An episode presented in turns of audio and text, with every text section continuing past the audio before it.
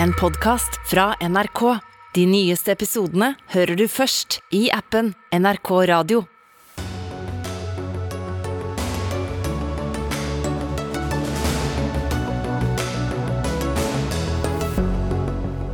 Kjønnskontering i styrene til vanlige aksjeselskaper, det er forslaget fra næringsministeren som regjeringen vil vurdere. Hvordan skal det da gå med AS Norge, spør næringslivet. Aupairordningen skal bort, men jeg elsker aupairordningen, sier forfatter Sanna Saroma, som skal forsøke å overbevise Arbeiderpartiet. Taiwans utenriksminister sier Kina forbereder invasjon med militærøvelsen som pågår. Ja, hvis frykten er krig, hvor langt unna er vi? SV vil ha maksrente for forbrukslån, som i flere andre land. Det er det slett ikke behov for, svarer Finans Norge.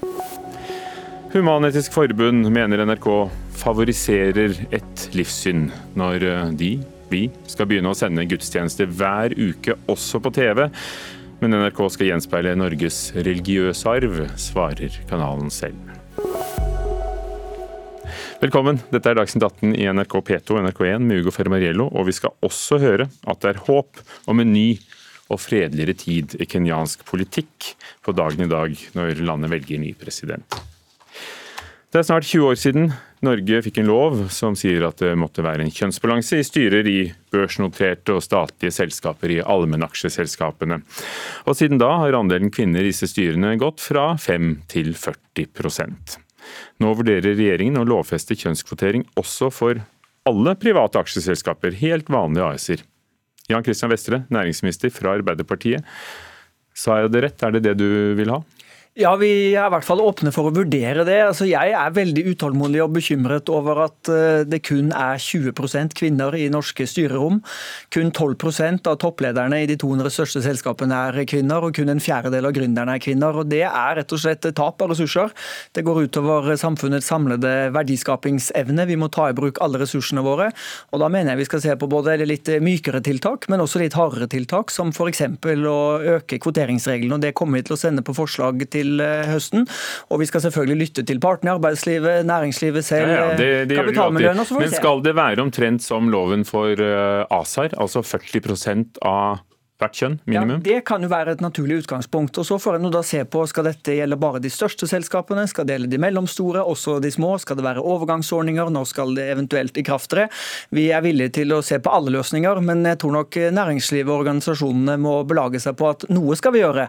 Så det å være mot er helt greit, men da vil jeg gjerne høre hva partene mener vi skal gjøre annerledes for å få opp. Du skal komme tilbake med det med, med, hvem det skal gjelde, fordi vi har med representanter for nettopp de små og mellomstore, og skal begynne med dem, sa du til VG. men Hold litt på den tanken. Mathilde Fasting, siviløkonom og idéhistoriker i tankesmien Civita. Ja, hvordan vil det fungere, tror du, med en eh, kvotering à la eh, de store aksjeselskapene hos alle? Jeg tror ikke det vil fungere, fordi at eh, man har prøvd det med ASA-styrene. og Da fikk du, som du akkurat sa, 40 eh, inn i styrene der. Men det var jo fordi det var lovpålagt og fordi det var ulovlig å ikke ha 40 eh, kvinner i ASA-styrene. Så det er jo ikke spesielt merkelig at man fikk oppfylt akkurat det kriteriet. Men samtidig så så vi også, da dette spørsmålet var oppe fra Arbeiderpartiet sist gang, i 2011, og da hadde man litt statistikk på hva som hadde skjedd, og da hadde antall ASA-selskaper nesten blitt redusert med halv, altså nesten nesten halvparten av dem var forsvunnet. Så det var gått fra over 500 til 300 og noe. Og det var mange av de som da oppga grunnen til hvorfor de hadde gått tilbake igjen til å være vanlige AS-er, oppga eh, eh, styrekvoteringskravet som en av de tingene. Og I tillegg så var det også sånn at eh, da den loven kom, så, så var det jo mange som også reagerte. og Det vil jeg tro blir de samme reaksjonene her nå. Det er en utilbørlig, kanskje for mange, innblanding i aksjonærenes rett til å velge de som de vil ha i styret, basert basert på kompetanse og mangfold og de som de mener at utgjør en god eh, ledergruppe i et selskap. Og Den retten tror jeg er viktig. og Man kan også stille et spørsmål ved om det bare er kvinner eh, som skaper det mangfoldet, eller om det er mange andre kriterier for mangfold. F.eks. utdanninger eller eh, hvor man kommer fra osv. osv. Som kan være vel så viktig i en ledergruppe og et styre som eventuelt menn og kvinner å ha den balansen. Så jeg, basert på den forskningen som jeg så i 2000 2013-14 på hva som hadde skjedd i ASA-styrene, så spriket den veldig. Og det var ingen klare konklusjoner på at det hadde blitt noe spesielt mye bedre på alle de ønskemålene man hadde, i tillegg til det kravet om 40% For Vestre er det en suksess på papiret. Selvfølgelig er kravet 40% innfridd, for det er jo loven. Og så er det da hundrevis av selskaper uh, som har valgt en annen selskapsform. For dette er jo teknikaliteter med, med, med hvordan aksjonærer er beskyttet osv. Så, videre, så er de blitt AS-er istedenfor ASA-er. Ja da, og det kan det være flere grunner til, men uh, Ja, Men det her var det den grunnen som var blitt oppgitt, da? Ja, og det er jo da tall som er relativt gamle. Bare så det er sagt. Nå går utviklingen ganske fort, både hjemme og ute. Så det å belage seg på ting som er nesten ti år gammelt, vel, kanskje skal vi da uh, hente inn litt ny kunnskap. Vi vil nå høre dette forslaget. Alle som vil kan gi innspill. Kom med både argumenter for og mot og eventuelle andre andre skisser. Men eh, det kan ikke bare være vi som ønsker endring som skal ha bevisbyrden på vår side. De som ønsker eh, status quo har også et ansvar for at vi fremdeles bare har 20% kvinner i norske styrerom, og det går som sagt utover verdiskapingen i Norge. Så bare et veldig kort poeng. Hvordan går det utover verdiskapingen? Jo, Vi vet at mangfold fra forskning bidrar til bedre verdiskaping, mer kreativitet, bedre løsninger. Halvparten av befolkningen er kvinner, halvparten er menn, i hvert fall juridiske sånn som vi har kjønnene i dag. Og Da sier det seg selv at det er godt kvalifiserte kandidater blant begge kjønn som vi trenger å få med inn i næringslivet. Nå skal du få ordet, Mathilde Fasting. Ja, eh, eh, Du sier også at man skal gjøre noe. og Det noe kan være eh, veldig bra. Det kan være å sette i gang programmer for å øke kvinners deltakelse både i styrer og i toppledelse, som også var en av begrunnelsene da man laget ASA-kvoteringsloven. Da da skulle det trickle down, og det skulle bli flere kvinner overalt i næringslivet basert på det. Den forskningen har spriket. og Du sier de tallene er gamle, men de tallene du presenterer nå for hvordan det står til, har ikke for så vidt endret det bildet så veldig mye mye på de ti årene. I tillegg så har du også Finland, som har en veldig god eh, fordeling av kvinner og menn i styrer i forhold til mange andre land. og De har noe sånt som heter selvreguleringsrapportering. og Det betyr at de har satt i gang konkrete programmer for å få kvinner inn i styrene sine. og Det har de lykkes med ganske bra uten å ha kvoteringsspøkelse og uten å bruke det. og Det du vil gjøre, er å gjøre en lovpålagt radikal eh, kvotering. Det å gjøre f.eks. en moderat kvotering, som betyr at du kan be og oppfordre styrer og bedrifter til å moderat kvotere hvis de står mellom menn og kvinner. Det er helt i orden, og det er det mange som gjør, og det bør være på frivillig basis. Eventuelt at de da rapporterer hva de gjør, sånn at det kanskje blir flaut å si at man ikke har kvinner i styrene, basert på at man blir bedt om å oppgi hvorfor, f.eks. Og Det er mange andre måter å gjøre det på enn å gripe inn med et lov, lovpålagt krav. Men Mener du Fasting, at, at uh, kjønnsfordelingen i, i, næringslivet i dag, og hvis vi da ser på styrene, uh, er et problem? At det er så mange flere menn i, i de fleste styrer der hvor det er fritt? Ikke nødvendigvis. Det kommer jo helt an på om de selskapene syns at det er nødvendig med en kjønnsfordeling, at det er det som gjør at de blir mer lønnsomme. Et, et, styre, et, aksjon, et aksjeselskap har et styre som skal sørge for at det blir best mulig resultater for det aksjeselskapet. Og jeg går ut fra at de aller fleste aksjeselskaper velger sine styrerepresentanter basert på hva de har av kvalifikasjoner og kompetanse, og, og setter sammen de styrene de tror er best. Og hvis de ikke gjør det, så er det jo dumt av dem, for da vil de kanskje begynne å tape penger. Så jeg syns ikke jeg har ikke noe La oss legge det frem for Vester. Vil ikke det da um, straffe seg selv for et AS, hvis ikke de makter å velge de personene som staker ut rett kurs og den mest lønnsomme kursen? Men Det er jo liksom utrolig gammeldags. Jeg har vært næringslivsleder i, ti år selv. og Det er jo liksom, det, det blir veldig eh, teoretisk. fordi Vi har flust av kvalifiserte kvinner og vi har flust av kvalifiserte menn i Norge. Men så er det et eller annet som skjer, at det er stort sett menn som velger menn til å sitte i, i styrerommene. Og da mener jeg at Når vi nå har prøvd ulike holdningskampanjer Men det har, har ikke prøvd f.eks. det Finland har gjort, som, som, vi hører om her? altså rapporteringsordninger? Alle selskaper rapporterer i sine årsberetninger på hvordan kjønnsrepresentasjonen i styrene er. Det har ikke hatt nevneverdig effekt. Jeg er ikke forlovet med dette forslaget. Jeg sier vi kan gjerne vurdere andre ting, men poenget er at nå må vi slutte å snakke og begynne å gjøre noen ting. For det er et problem at kvinner er så underrepresentert som det de er i norske styrerom, rett og slett fordi det går utover Og så får vi se hva dere vil gjøre. Hege Bae Nyholt eh, for Rødt på Stortinget. Dere går inn for radikal kjønnskvotering i arbeidsprogrammet i ditt parti. Eh, hvordan, eh, hvilke innspill har du til Vestre? Hvordan hvor hardt mener du at han skal gå til verks? Det stemmer at vi gjør det i arbeidsprogrammet, men det gjelder for høyere utdanning. Eh, og når det gjelder dette forslaget her, så ønsker vi det jo velkomment. Vi gleder oss til å lese det. Fordi at det løfter opp en del av arbeidslivet hvor kvinner er underrepresentert. Eh, men det er jo bare en del av det som er problematisk for kvinner i arbeidslivet. fordi at vi har jo også mange andre sider av arbeidslivet som vi er nødt til å eh, jobbe for, som handler om heltidskultur, som handler om kvinnelønn osv. Men jeg syns det er interessant å sitte og, og, å, lytte til de her argumentene om at uh, styrene på en måte settes sammen av de som er mest kvalifiserte. og Det lurer en liten sånn herre uh, Betyr det at kvinner ikke er de mest kvalifiserte, da? Når man har en så ujevn balanse? Det er et argument som har blitt brukt hver eneste gang kvinner har kommet inn på nye arenaer. Altså kvinner inn på Stortinget, kvinnelige prester, odelsrett til kvinner osv. Og, og det er kanskje litt smertefullt med forandring, men det betyr ikke at vi ikke skal jobbe for det. Og kvotering er ikke målet i seg selv. Kvotering er et hjelpemiddel for å få et mer likeverdig og mangfoldig samfunn.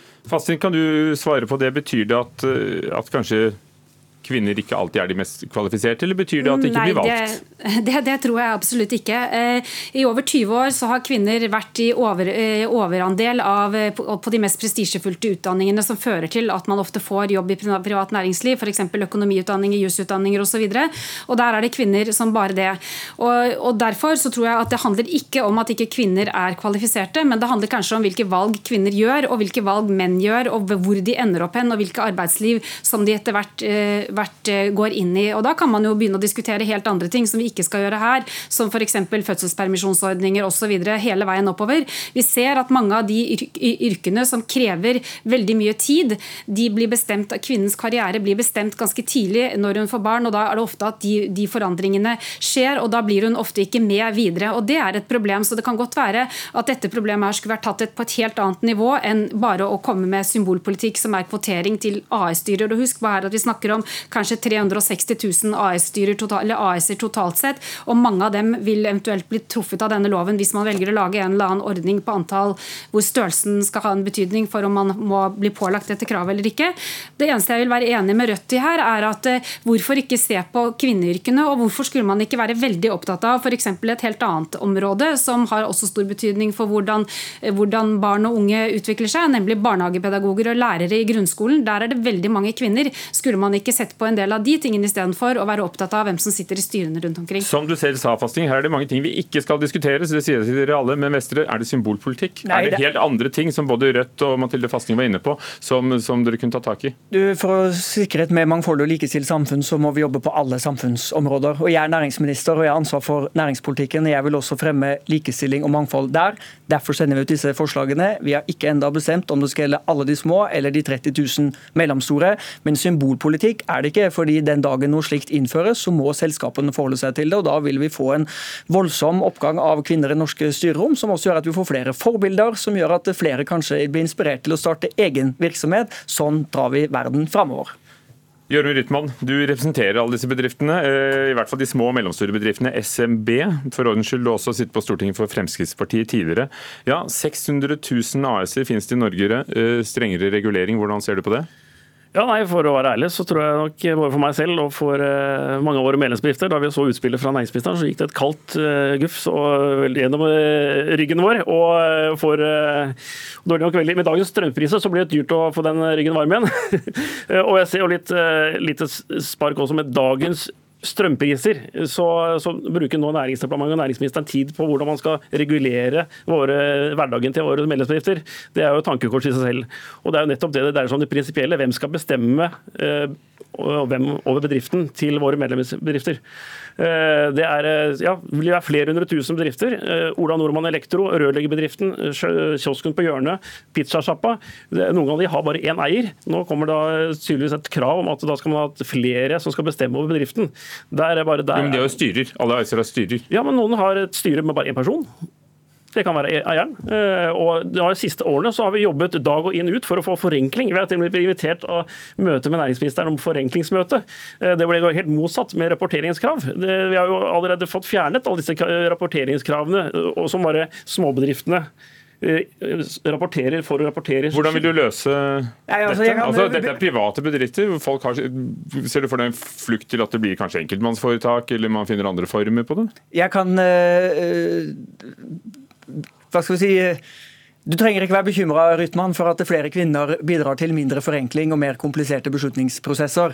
Og Nå ønsker du deg en strømstøtteordning til milliarder av kroner som skattebetalerne skal betale. Vel, Da kan også kanskje skattebetalerne få ha litt meninger om at også næringslivet bidrar aktivt til å fremme et likestilt Og samfunn. at en kioskeier må plutselig ha en annen eier til? da, et annet, Flere inn i styret, eller Dette er det vi skal finne ut av i høringen. Okay. hvilke selskaper Hege det skal Bae-Nyholt opp fra. Rødt.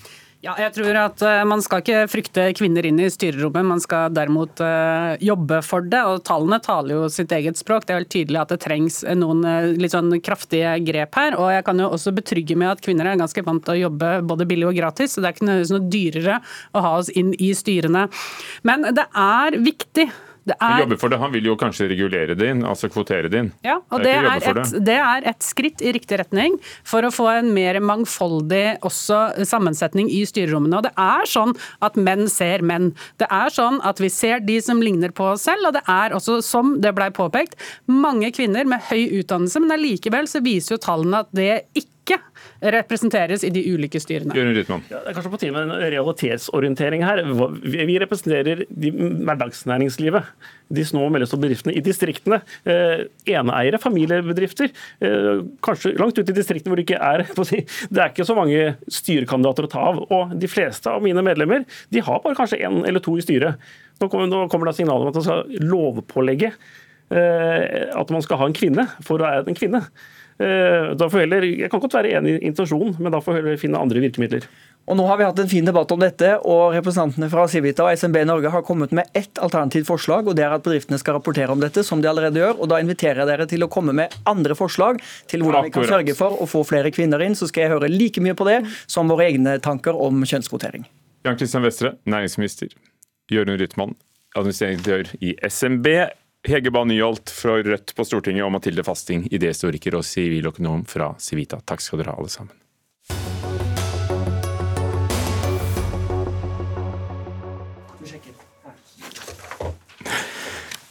5900 kroner koster det i måneden. Kost og losji også, og norskkurs må du betale. Og da kan du få deg en fulltids eh, au pair.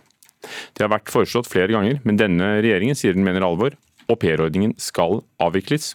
Mange bruker den som ja, nærmest en hushjelp, er påstanden. Cecilie Myrseth, stortingsrepresentant fra Arbeiderpartiet. I Hurdalsplattformen står det dere vil avvikle aupairordningen. Hvorfor? Jeg syns du hadde en ganske bra intro på hvorfor man skal gjøre det. Altså, denne ordninga skulle jo være en form for eh, kulturutveksling, hvor man kunne komme til eh, Norge og bli en del av en familie og lære seg norsk kultur og språk. Men så ser vi jo nå at det i praksis er en ordning hvor det kommer eh, damer til Norge som i praksis fungerer som hushjelp og barnepasse til en ganske så billig penge. Og Det er ikke intensjonen, og det er jo også på en måte litt sånn sosial dumping, hvor man ikke betaler særlig mye for å få de tjenestene. Sanna Saroma, kjent skribent og forfatter og, og, lærer og historiker. og Du har skrevet om din erfaring med å ha au pair selv som eh, mor i eh, VG. Ja, Hva syns du om ordningen? Jeg syns at ordningen er fantastisk, og ordningen i, i, stor grad fungerer sånn som den skal. Altså at Dette kulturutvekslingsperspektivet er fremdeles til stede.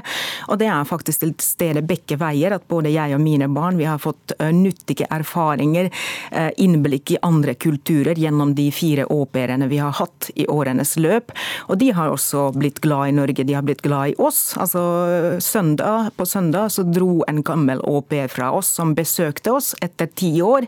Hadde ikke vært i Norge på ti år, og likte veldig godt å være tilbake. Og han, han har også senere utdannet seg til barnehagelærer. Altså at den erfaringen med å bo i Norge og jobbe med passe på barn, den var liksom ble viktig for hans livsvalg. Fordi du har jo hatt au pair fra Finland. De aller fleste, altså 81% kom fra Filippinene, 8% kom fra Thailand. Jeg har hatt au pairer fra flere land, også fra Filippinene og også fra Finland. Og jeg ser jo ikke noe, altså jeg ser egentlig ikke noen kvalitativ forskjell på den finske au pairen eller den filippinske au pairen. Altså også de filippinske au pairene gikk på, gikk på norskkurs. Også en av dem ble barnehagelærer, jobber nå som barnehagelærer i Oslo. Hun ble faktisk i landet. En annen dro tilbake, og har også besøkt oss i etterkant. Så det har blitt eh, knyttet varige bånd. Altså det er, eh, det er sånn, et aspekt her som vi ikke kan altså Derfor blir dette med sosial dumping det blir liksom veldig feil, fordi det er ordnede forhold. Altså det er eh, Vi vertsfamilier, nå er, det blitt, nå er det blitt satt i gang også et kurs som man skal gå gjennom før man kan få, få, få ta imot en au pair. Det er, altså, det er grenser for hvor mange timer de skal arbeide. Det er fem timer hver dag. og Ellers er de veldig opptatt med norskkurset og vennene sine. Altså, det er ikke noe, mm, altså, Jeg ser ikke dette med at dette er snakk om billig hushjelp. altså De gamle prinsippene ved aupairordningen er fortsatt der. Og vi, vi har jo mange norske jenter. La oss ta med oss Cecilie Myrseth som mm. sitter her. Du sitter på Lillehammer, Sanna Saroma, og, og Cecilie Myrseth her eh, i Dagsnytt 18-studio. Eh, ja, altså det fungerer også, hører vi. Og I en evaluering som ble laget i 2009, så sa flere, også de fra Filippinene, at, at de så på det som en nyttig jobb som ga penger. Og på en måte å lære språk og, og tilegne seg eh, kunnskaper som de kunne få bruk for senere i livet. Jo, men man ser jo at i all uh, hovedsak så fungerer dette som en ordning hvor man egentlig er hushjelp og I all hovedsak, hvor har du det fra? Nei, Det vises jo det er ganske mange rapporter og forskning som, eh, som også, også, viser det. Eh, og jeg tenker at eh, Man må gjerne eh, både få hjelp i hjemmet og til å passe barn, men da må man betale eh, det det faktisk eh, koster. Og Det gjør man jo ikke her. Her har man jo, som man sier, man har de timene man kan jobbe. Man, det er også ganske skeive maktforhold, fordi denne au pairen bor jo hjemme hos en, en familie. Og oppholdstillatelsen er jo også avhengig av familien familien sin eh, gunst eh, og vilje for å si noe. Og Det har også avdekka ganske mange eh, grove saker på når man har utnytta disse au pairene. Men det skjer jo utnyttelse ellers i arbeidslivet også, ja, uten at man fjerner Den viktigste grunnen til at vi fjerner ordninga, er for den fungerer ikke som den skal. Den fungerer ikke som en kulturutveksling. Det fungerer som andre ting. Og Ønsker man barnepass og ønsker man hushjelp og de tingene, vær så god, men da må man betale norske lønns- og arbeidsvilkår for det, eh, ikke dette. Så Derfor er jo vi eh, politisk uenig i dette, og derfor kommer vi til å avvikle denne ordninga. Ja, og du har jo fått med deg da regjeringskamerat Senterpartiet i, i Hurdalsplattformen. Sanna Særoma, er vi tilbake med at au pairene er blitt, eh, ifølge regjeringen, da, som, som, hushjelpene, pikene fra landet som flyttet inn i borgerfamiliene på 1800-tallet? Nei, jeg, altså, jeg ser ikke noen tall og data som beviser dette, at dette er snakk om billig hushjelp. Altså, jeg prøvde jo å fremheve at dette kulturutvekslingsaspektet er til stede, i og med at norskkurset er obligatorisk, og de jobber jo bare fem timer hver dag. så Det er liksom veldig mye tid til å bli kjent med norsk, kurs, eh, norsk kultur, og mange skaper varige bånd til sine norske familier familier og til Norge. Og noen blir også igjen og er viktige bidragsutere i det norske samfunnet. Kunne du ha tatt deg råd til Saroma, og, og, kjøpt den samme hjelpen? altså nei, hatt, det, hatt, en hushjelp, da, for å si, nei, si det sånn? Nei, altså, det er jo, altså, dette er også likestillings- og familiepolitikk. Eh, fordi familielivet er hardt, og det er arbeidslinje som gjelder i dette samfunnet. og det er ikke engang For meg som er alenemor og firebarnsmor, det er ikke engang mulig for meg å jobbe redusert. Og vi ønsker likestilling, vi ønsker flere barn. altså Erna Solberg oppfordret til å, oss til å lage flere barn. Jeg har plumpet ut fire barn.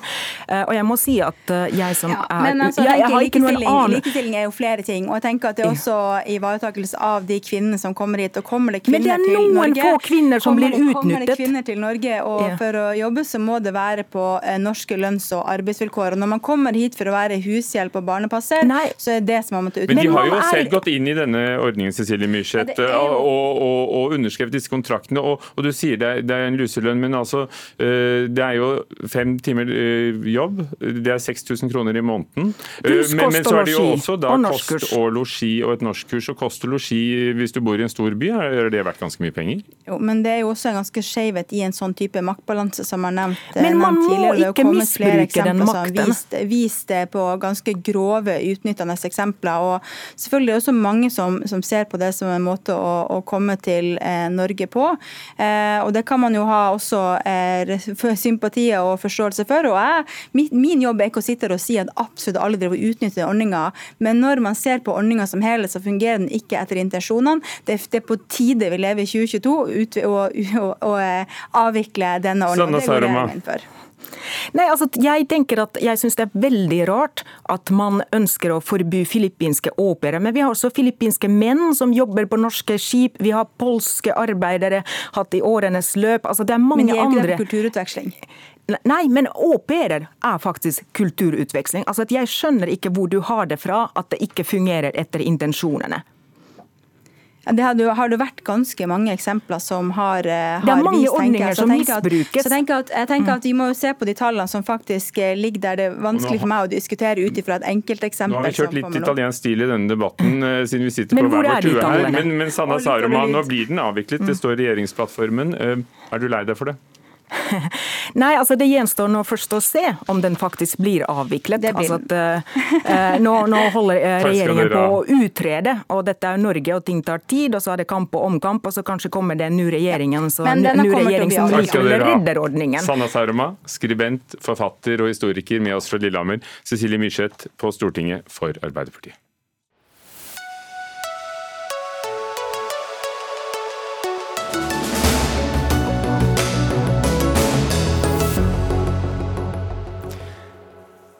I dag har det taiwanske forsvaret øvd seg på å forsvare seg mot et angrep, og Kina har allerede gjennomført uh, sine største militærøvelser noensinne i farvannene utenfor Taiwan i forrige uke. Og i dag sa Taiwans utenriksminister at Kina forbereder en invasjon. Henrik Kim, førsteamanuensis ved Institutt for forsvarsstudier. Frykter du en krig på Taiwan i nærmeste fremtid?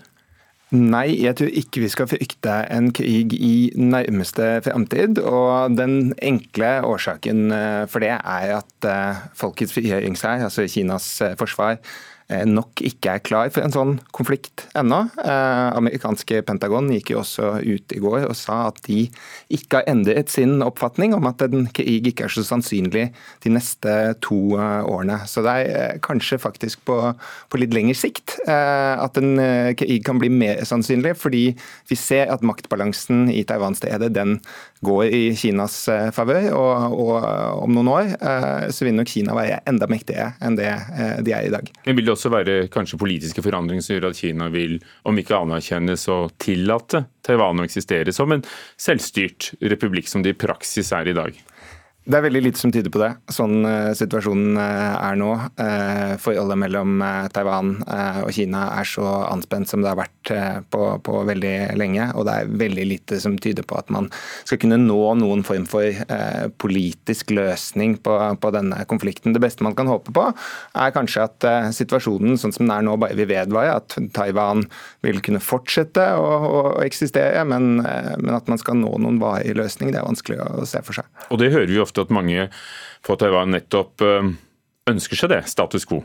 Ja, Det er eh, den pragmatiske holdningen mange på Taiwan har. Selv om de nok eh, egentlig skulle ønsket seg formell uavhengighet, så er de klar over at det å erklære uavhengighet mest sannsynlig vil bety at Kina, altså fastlandet, går til krig mot Taiwan, og det, det, ønsker de ikke.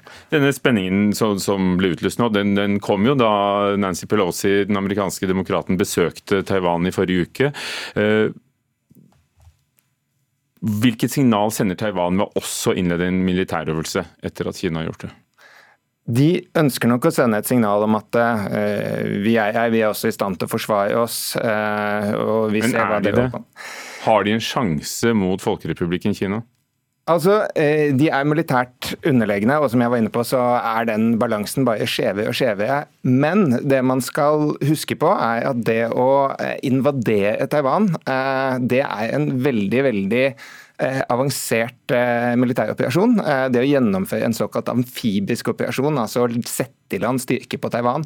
Taiwan er jo en øy, et godt stykke unna fastlandet? Taiwan er en øy, og det å sette tusener på tusener av kinesiske militære i land på Taiwan. altså Dette er noe Taiwan har forberedt seg på i tiår.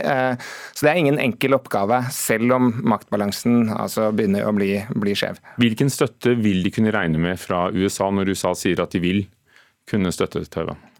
Det er jo på mange måter tusenkronersspørsmålet. Den tradisjonelle politikken eh, i USA har jo vært eh, det man har omtalt som strategisk tvetydighet. Altså at de har gått langt i å på en måte antyde at de vil støtte Taiwan, men uten å, å, gi en helt klar sikkerhetsgaranti av den typen som man har f.eks. i Nato. Eh, de har ikke lovet entydig at de vil eh, komme Taiwan til unnsetning dersom de blir, blir angrepet.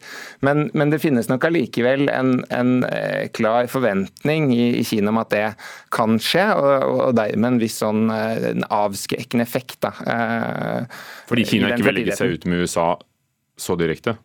Nettopp fordi eh, Kina eh, i hvert fall forventer at USA kan komme til å bli eh, involvert i en, en konflikt. Og så har det også vært noen uttalelser fra president Biden siste tiden hvor han har antyda at man faktisk vil komme til unnsetning.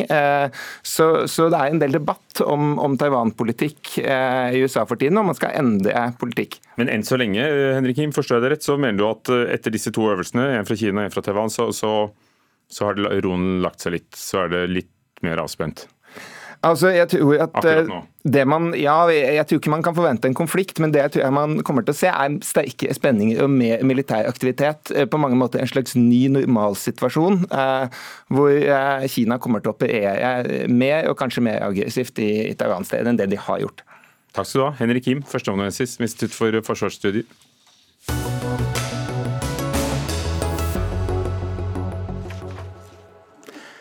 Det går an å få på dagen, og nettopp nå i ferietiden er det mange som nettopp har gjort akkurat det. Tatt opp forbrukslån, eller mer forbrukslån. Rentesatsene er mange ganger høyere enn et, altså de er stort sett alltid høyere enn et boliglån, noen ganger veldig mye høyere. SV vil nå ha en maksrente på forbrukslån. Dette kravet har dere hatt før, men du har gjentatt det nå i en kronikk på NRK Ytring. Andreas Skjalg Underland, stortingsrepresentant for SV. Hvorfor maksrente? Altså, man trenger jo ikke å se alle 23 sesongene av Luksusfellen for å skjønne at eh, forbrukslån det kan være inngangen til en bunnløs gjeldsspiral. Nå er vi i en dyrtid der strømregningene eh, går opp, maten blir dyrere og leieprisene er rekordhøye.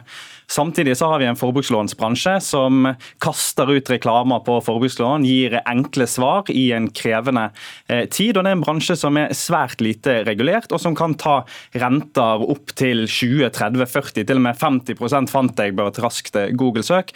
Så Hvor vil du ha tak i da? Jeg mener at det vil være naturlig å for se på um, knytte det til en eller annen formel rundt styringsrenten eller statens forsinkelsesrente.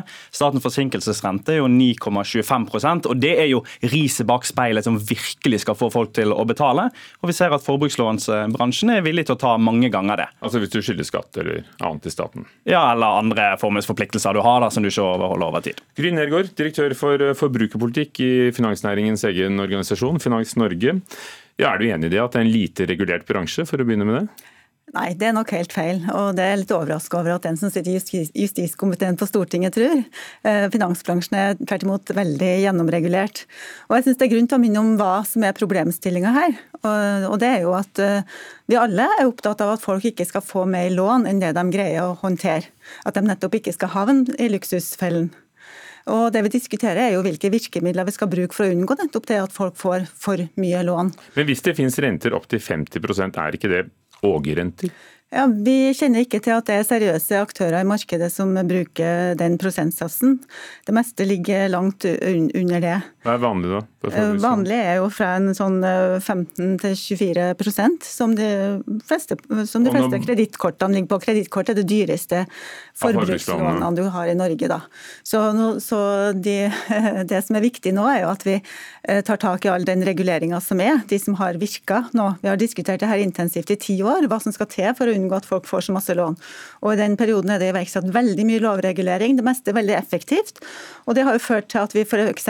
ikke har hatt en, et marked marked med veldig høye eh, rente, rentenivåer. sånn som en del Hva er reguleringen nå? Hva er det du mener er effektivt som allerede finnes? Det som er effektivt, og som vi også har forskningsresultater på, det er at vi har en utlånsforskrift som sier noe om hvor mye lån bankene kan gi til folk.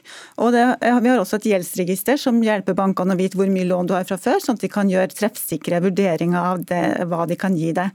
Og de, og de to regelverkene er det veldig viktig at vi finpusser, og det er veldig viktig at vi har tilsynsmyndigheter som sørger for at det ikke ikke kommer useriøse aktører inn i markedet. Underland, det er jo blitt sånn nå. Du kan ikke gå å shoppe fra det ene selskapet til det andre. Alle vet alt om hvor mye du har fra før av. Ja, men Det er fremdeles ganske lett å få, få, forbrukslån i Norge. Det er 250 000 mennesker som har en betalingsanmerkning. Gruppen av mennesker som sliter å betjene gjelden sin, altså de som er svært sårbare, den vokser. Så dette er et, et økende problem. Og dette er en interessemotsetning. Eh, mellom fortjenesten til forbrukslånsbransjene, som har svært gode tider. Det er sånn, ja, Bank Norwegian har et uh, overskudd etter skatt på 1,2 milliarder. Dette er en svært lukrativ eh, bransje. Uh, men Betyr det, det nødvendigvis at de tar for høy pris? De gjør tydeligvis ikke det hvis folk velger å gå til, gå til dem? Ja, men her vil jo jeg si at du har markedsføring som ikke akkurat opplyser hvordan dette er. Du har reklame jo, men du har, Det med liten skrift under det informert, og du har reklame på radio, TV TV, på, på, nett hele tiden. Dette blir jo kastet etter folk. Det er helt feil. Vi har veldig streng regulering for markedsføring av forbrukslån. Og Hvis tilsynsmyndighetene følger opp det ordentlig, så vil det ikke være useriøse aktører som gjør det på den måten som du sier nå. Det som er, ikke, det som er ulempen også med uh, rentetak, eller maksrente som du kaller det, det er jo hvis vi setter den renta for lav, da på 9% f.eks., som du snakker om, vil det bety at ikke det er interessant å tilby forbrukslån eller kredittkort, som også er er usikra kreditt. Hvorfor er det så mye dyrere enn la oss si boliglån? For når fordi du, ikke har sikkerhet, fordi du ikke har sikkerhet for det. Boliglån, der har du sikkerhet i boligen. Her har du usikra kreditt. Og du vil jo ikke kunne gi ut kredittkort på usikra kreditt til folk som du tenker ikke har det til hensikt å betale tilbake. Men, du viser til at flere land har en maksgrense. Gi oss noen eksempler på land du gjerne vil sammenligne oss med. Altså, en, en, rekke europeiske land og en rekke land i verden har dette. Finland for eksempel, De har en maksrente på, på 20% og det er fremdeles mulig å få et mastercard eller ta opp et forbrukslån i Finland. Så det er jo ikke sånn at bransjen dør hvis man diskuterer å innføre dette, som jeg føler Finans Norge sier. Og Det er jo ikke rart at Finans Norge er imot dette, for selvfølgelig vil det begrense profitten til de aktørene som, som, driver med dette.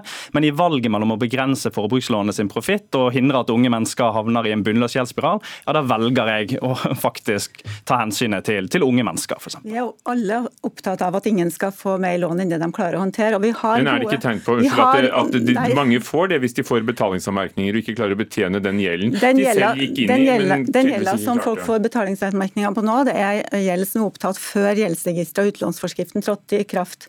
Sånn at Det man ser nå, som alle er enige at de regelverkene har virka, sånn at det her er gammel gjeld. Og Det som eh, Underland bør være opptatt av da, det er jo to ting. og Det å gjøre gjeldsregisteret enda bedre, som det er lagt fram forslag om nå. Og det er også å få gjennom en gjeldsordningslov som nettopp kan hjelpe de som er i betalingsuføre. Men det er ikke sånn at det hjelper med maksrente. Ikke nødvendig med nye reguleringer nå. Det vi må gjøre er å effektivisere de reglene vi har. Ville det ikke på noen måte hjulpet de, snakker om bankene, men hjulpet ja. de kundene som i dag har fått problemer? Ville ikke en maksrente hjulpet dem? Nei, for den vil ikke ha tilbakevirkende kraft. Det vil jo bare være på nye lån, og du vil ikke få nytt lån hvis du ikke har god økonomi, hvis eh, renta er veldig Og Underland, tror du ikke at kanskje flere blir fristet til å ta forbrukslån når det er en maksrente som kanskje er lavere enn det de ville fått tilbud om i dag? Det tror jeg ikke, men det ville jo gjort at risikoen for å ta forbrukslån ville blitt betydelig lavere. Så dette er jo en, en rekke land som innfører dette, og EU diskuterer det også. Nettopp fordi det handler om å styrke forbrukerne, handler om å styrke folk sine rettigheter på bekostning av fortjeneste. Har vi ikke noe å lære av de landene som har innført det? Det viktigste er at folk ikke får tatt opp mer lån enn de klarer å håndtere, og det har vi gode, effektive midler for i dag. Vi trenger ikke Men det holder ikke, sier du? Nei, det har vi ikke. og det er Derfor vi har reklameforbud på forbrukslån, vi vil ha maksrente, og vi har en rekke andre tiltak vi vil innføre har vel gått i ring, så takk skal dere ha. Andreas Skjalg Gunderland for eh, SV på Stortinget. Gry Nergård, direktør for forbrukerpolitikk i Finans Norge.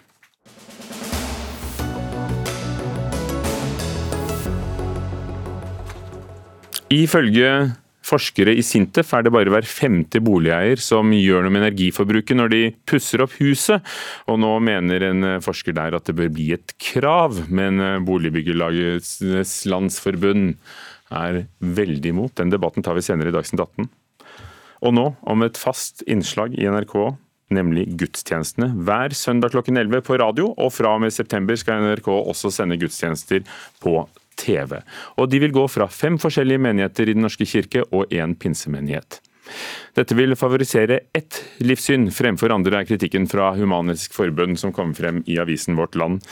Kristian Lomsdalen, leder i Human-Etisk Forbund. Er det verre for deg at folk kan se gudstjenestene hver søndag, enn å bare høre dem? Nei, det er jo ikke sånn at dette er noe nytt Eh, at vi reagerer på dette. Vi har jo tatt opp dette, denne tematikken i mange år.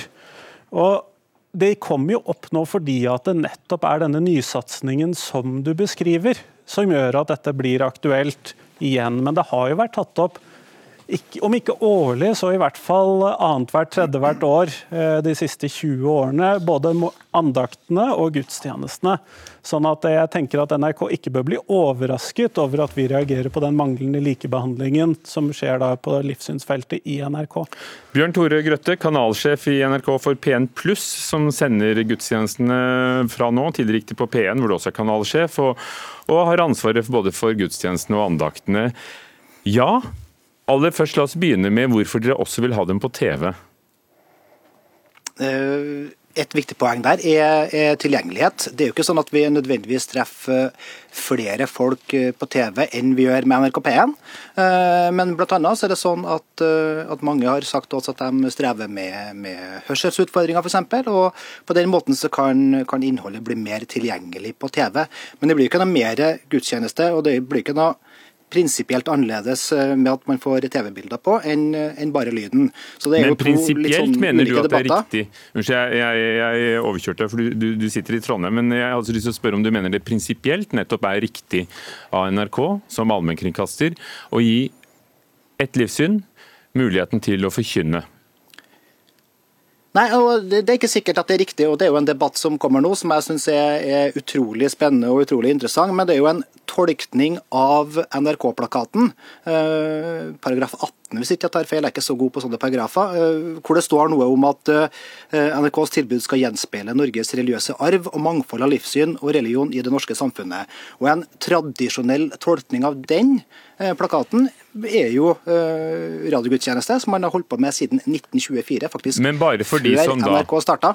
Bare for de som da tror på Gud, og gjerne protestantisk i Den norske kirke? Ja, det er jo den tradisjonelle tolkninga av, av NRK-plakaten. Og, nå kommer det en debatt som, som jeg og flere med meg er med på å Ønsk velkommen. Det blir en runde i Kringkastingsrådet hvor dette skal bli diskutert bredt i høst. Eh, og Så blir det debatt flere steder også. I forrige uke så var jeg i diskusjon eh, hvor jeg skulle forsvare at vi tok bort gudstjenesten fra, fra P1. Eh, men debatt om dette er kjempebra, for NRK skal utvikle seg i takt med samfunnet. Og da må vi også være med på, på, de, på den utviklinga som skjer. Og debatt blir det garantert når man tar dette. da. Kristian Lomsdalen, du er med oss fra Bergen, leder i Humanisk Forbund. Ja, tror du Nå, nå blir da tilbudet utvidet til også virke å være på, på, fjernsyn.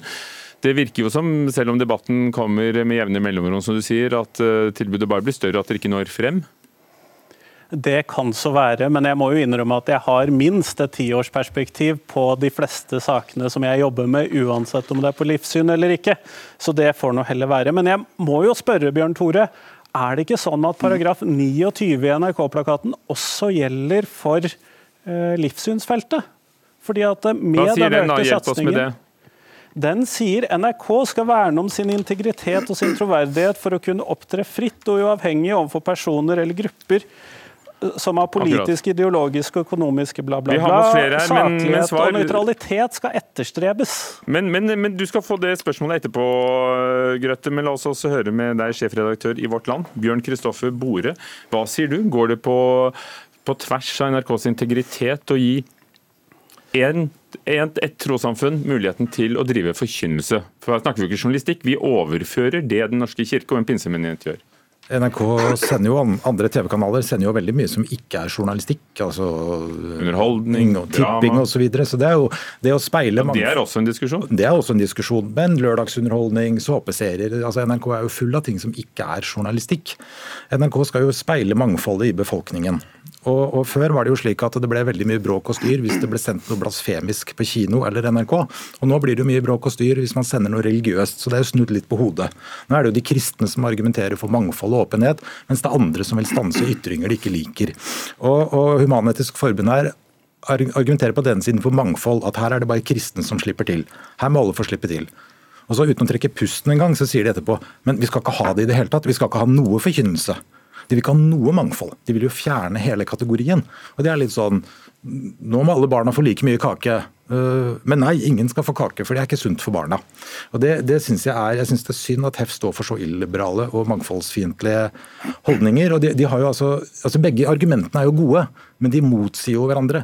Human-Etisk Forbund må bestemme seg for om de er for religiøst mangfold i eteren, som de argumenterer for, eller om de vil ha ikke vil ha religiøst innhold i det hele tatt. Jonsson, skal alle få kake eller ingen få kake?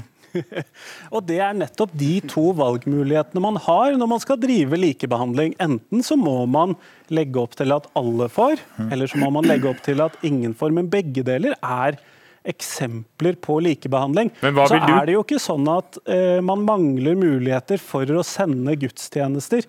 Uh, selv om dette ikke kan gjøres på NRK. Dette kan f.eks. gjøres hos Bjørn Kristoffer Bore, som nå har startet TV-kanal, som dermed også kan distribuere dette, og burde være en glimrende mulighet nei, for han. Nei, nei, du vil faktisk, du sier at offentlig eide mediebedrifter som NRK ikke skal formidle forkynning. Vår TV-kanal distribueres gjennom det deloffentlig eide Telenor. Men Det er distribusjonsformen, ikke, ja, ja, ikke, redaktør, jo, jo, jo. ikke redaktørordningen. Men, men, men, men, men eh, hvorfor, de sier at det offentlige hvor, hvorfor, dette, hvorfor mener du at det er viktig at NRK som allmennkringkaster har gudstjenester? Nei, Det syns jeg må være opp til NRK, men det er jo åpenbart. men Du mener jo at det er viktig? Vårt Land har i hvert fall skrevet i en lederartikkel. Vi syns det er naturlig at NRK speiler mangfoldet i befolkningen. 70 men dette speiler jo ikke mangfoldet. 70 nei, nei, nei, og vi har jo ikke noen prinsipielle argumenter mot at NRK skulle sende fredagsbønn eller noe annet. Jeg tror ikke jeg ville blitt fast seer av det, men det er jo ingen prinsipielle argumenter imot det. 70% av befolkningen er medlem av et kristent trossamfunn.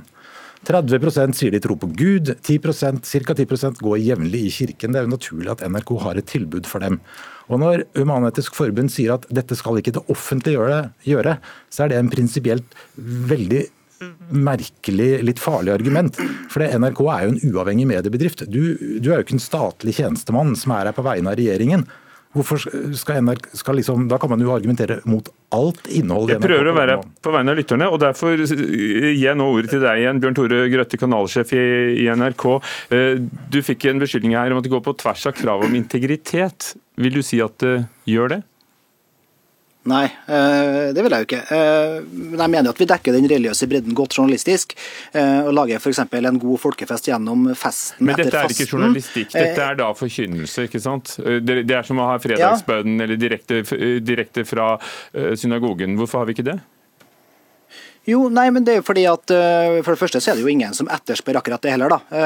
Og det andre er jo, som, som jeg sa i sted, at det er en del av den tradisjonelle tolkninga jo, nei, men det er jo en del av den tradisjonelle tolkninga i NRK-plakaten eh, som, som, ligger til grunn. og Derfor så, så, har man hatt en tradisjon med, med men, men man radio og, og, og visuelle gudstjenester. Det er jo dere som tolker den slik nå.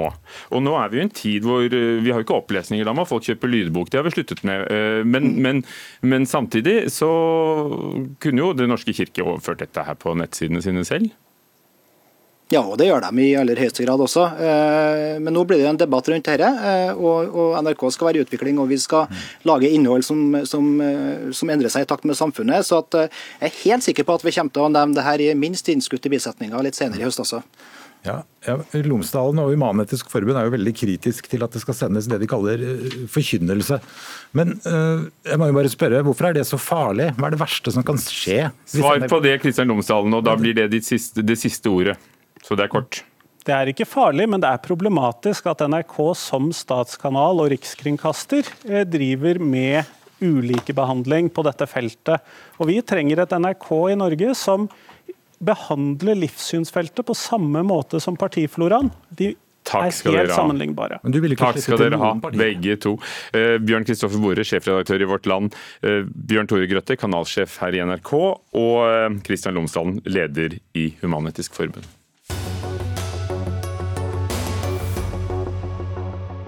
Det har ofte vært opptøyer, demonstrasjoner, uro når det er valg i Kenya, men valget i dag ser ut til å handle mer om politikk enn tidligere.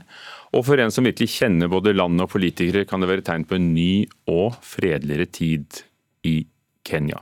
Med flere unge og kvinner blant de folkevalgte enn før. Men aller først, Fred Mokasir, leder i den kenyanske foreningen Norge. Du har fulgt med på hvordan valget går i Kenya. Hvilket håp har du for det som skal skje? Jeg håper at eh, for første gang så skal vi få en leder som forstår som forstår problemene som de fleste kenyanere har. Hva er problemene de fleste Eh, kenyanerne har? Først og fremst det er økonomien. Det er mange som sliter i dag med økonomi. Eh, Det er fattigdom, og det er korrupsjon. Hvis en leder kommer inn som forstår dette her, og finner løsninger på det, så tror jeg landet kommer til å bevege seg til riktig retning. Hilde Frafjord Jonsson, du jobber med afrikanske fredsprosesser ved European Institute uh, for Peace i Brussel, og har vært utviklingsminister og kjenner Afrika veldig godt. Tror du vi ser en slutt på en tid der det er opptøyer og vold når det er valg i Kenya? Ja, det er for tidlig å si. Um, vi er i dag i hvert fall uh, i en situasjon hvor vi kan notere oss tre ting. Uh, det er at det har vært mindre tilløp til hatretorikk uh, enn før. Vi har også sett at selv om den ene av presidentkandidatene har truet med at valget er stjålet dersom ikke de vinner, og det skaper bekymring hos mange, så er likevel valgkampen mye mer saksorientert og har vært mye mer saksorientert enn tidligere. Og det som Fred helt riktig sier, kampen mot fattigdom, økonomi, arbeidsledighet, velferd, tjenester for hverdagskenyaneren, det har stått i fokus hos begge kandidatene, de tyngste kandidatene. Og det, har, det er nytt. Det har veldig ofte vært mobilisert på etnisitet. Når man mobiliserer på etnisitet, så er det ofte kimen til vold. Så det er håp om at vi kanskje kan unngå det denne gangen, men det er for tidlig å si. Tror du også, Fred Mokasir, at, uh, Makosir, at det er sånn at folk også vil velge mindre etter etnisitet og mer lytte til hvilke saker de er opptatt av? Ja. For dette er jo også et parlamentsvalg i dag, samtidig som det er eh, direktevalg på president. Jeg er faktisk eh, enig med Hilde om dette her. eh, fordi For første gang så har det vært mer saksorientert enn tidligere. Nå, er det, nå kommer det, vi kommer til å se resultatene. altså Vi får se hvem som klarte å ytre seg bedre, og som har bedre tilbud til folk. Altså Det er først og fremst to store kandidater. Uhuru Kenyatta han slutter som president etter yeah. flere perioder. Yeah. Så er det da hans eh, opposi, altså Opposisjonen er Raila Odinga, som har vært visepresident. De har samarbeidet på tvers av linjene i politikken. Raila Odinga og William Ruto. Dere kjenner dem jo begge to. Dere har møtt dem begge to. Eh, Raila Odinga bodde til og med noen måneder i eksil i Norge på 90-tallet. Fra Frafjord Jonsson, eh, ja, er de er de egnet til å ta, ta, landet videre i en fredeligere tid? Vil de klare det?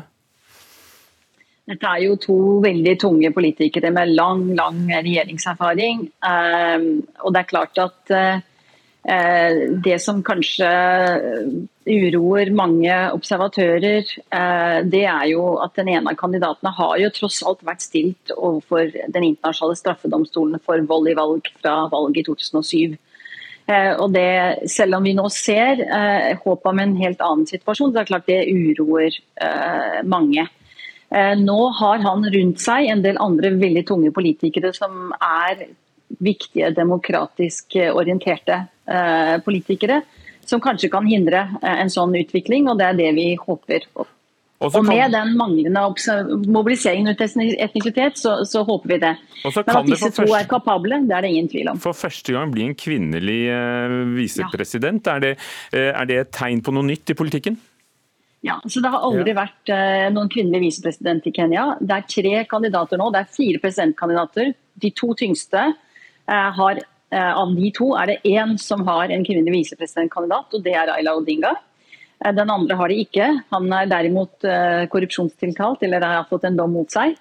Men Martha Karua er jo en kjent politiker i Kenya, som Raila Odinga har som sin makker og er også veldig kjent for å være veldig troverdig i kampen mot korrupsjon. Det blir spennende å se både hvem som vinner og om det blir fredelig. Men det som er kanskje mest, en av de mest håpefulle trendene vi ser nå, det er jo at det er flere kvinner og ungdom som stiller til valg enn noen gang. Og sannsynligvis blir det også flere som kommer inn enn noen gang. Så det er også løfterikt for kenyansk politikk. Så men, det er to ganske viktige trender her. Fred Mokosir, er det, det er, det, er det, gode tider i kenyansk politikk? Det syns jeg. Og det er fordi nå har vi sett åpning mot andre kjønn på toppen. Mata Karoa kommer inn som visepresident. Og det, det, vi går mot tema, og ikke bare personer denne gangen. Takk skal dere ha. Det er viktig for oss. Fred Makosir, leder i Kenyanske forening Norge, og Hilde Frafjord Jonsson.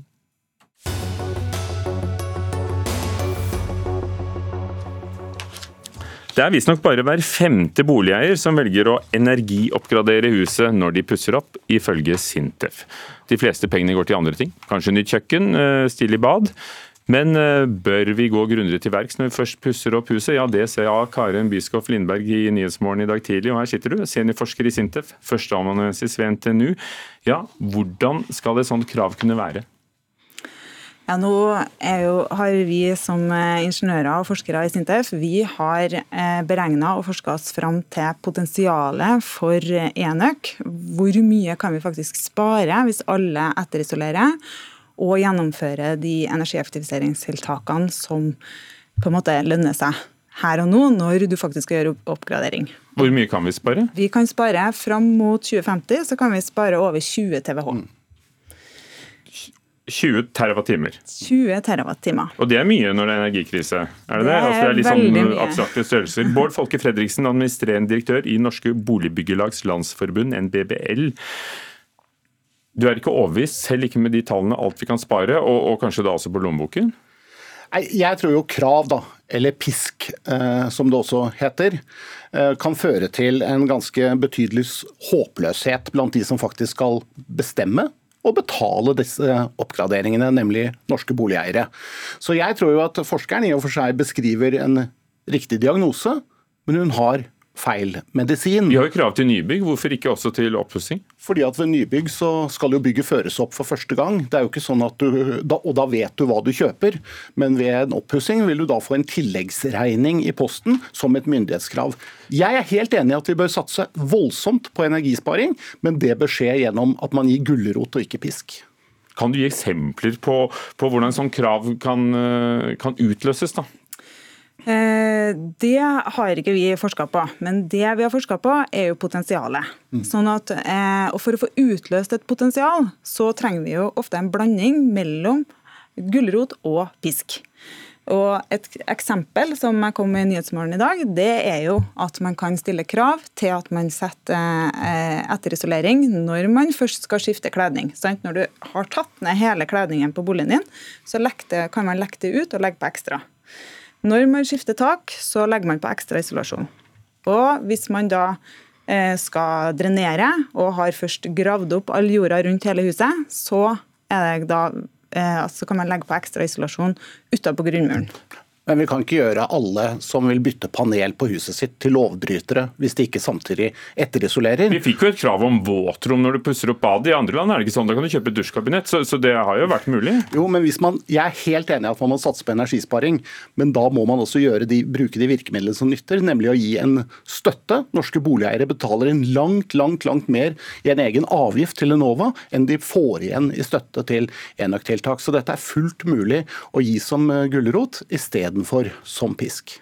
Men det rekker ikke, er du redd for? Vi har ikke Nova her til å svare, men uh, vil ikke det rekke fra et forskningsperspektiv? Ja, altså fra et forskningsperspektiv så, så, så, kan jeg jo si at tiltaket som vi snakker om her, etterisolering, varmepumper, bytte av vinduer, det er det som gir en gevinst i sparte TVH. Men det gir en gevinst for staten. Gir det også en gevinst for huseieren, som, som med eller uten støtte må investere i alt dette her? Vi hørte i dag om en nedbetalingstid på 40 år på et eksempel i reportasjen. Ja, og så ble det var det ditt hus? ja. Og nå har du regnet deg frem til at det blir 20 år fordi at strømprisen er så høy. Men altså om 40 år så er noen kanskje 100 år, eller død? Det som er greia, da, bare for å ta det Når når man eh, regner på lønnsomheten på energieffektiviseringstiltak, så er det på samme måte som med fornybar energi. Alle investeringene må tas i dag, og så tar du ut gevinsten over tid, avhengig av hvor lang levetid tiltaket har. Og Da tar du kanskje da, ut prisen på bolig nå? Eh, og da, bare for å fullføre, Det betyr da at eh, lønnsomheten for et vindkraftverk det vil være avhengig av hva strømprisen er i, i 2030. Samme måte på energieffektivisering vil være avhengig av hva strømprisen er framover. Det vil si at eh, ja. Men, men, tenk deg hvilket regulatorisk byråkrati dette vil føre til. Det betyr at norske kommuner må saksbehandle alle som vil bytte panel på husene sine, for å gi tillatelse. Og gir altså ikke tillatelse hvis det ikke da er eh, etterisolering. Dette kommer til å føre til et byråkrati, og jeg tror saksbehandlings... Det er mye som ikke fantes som vi er vant med i dag, da. Ja, men saksbehandlingskapasiteten i norske ha. kommuner kommer til å knele av en sånn saksbehandling. Bård Folke Fredriksen fra NDBL og forsker i Sintef Karin Byskov Lindberg, det var Dagsnytt 18. Magnus Bratten var ansvarlig for det hele, Frode Thorshaug for teknikken og Ugo Fermariello, programleder. Takk for oss.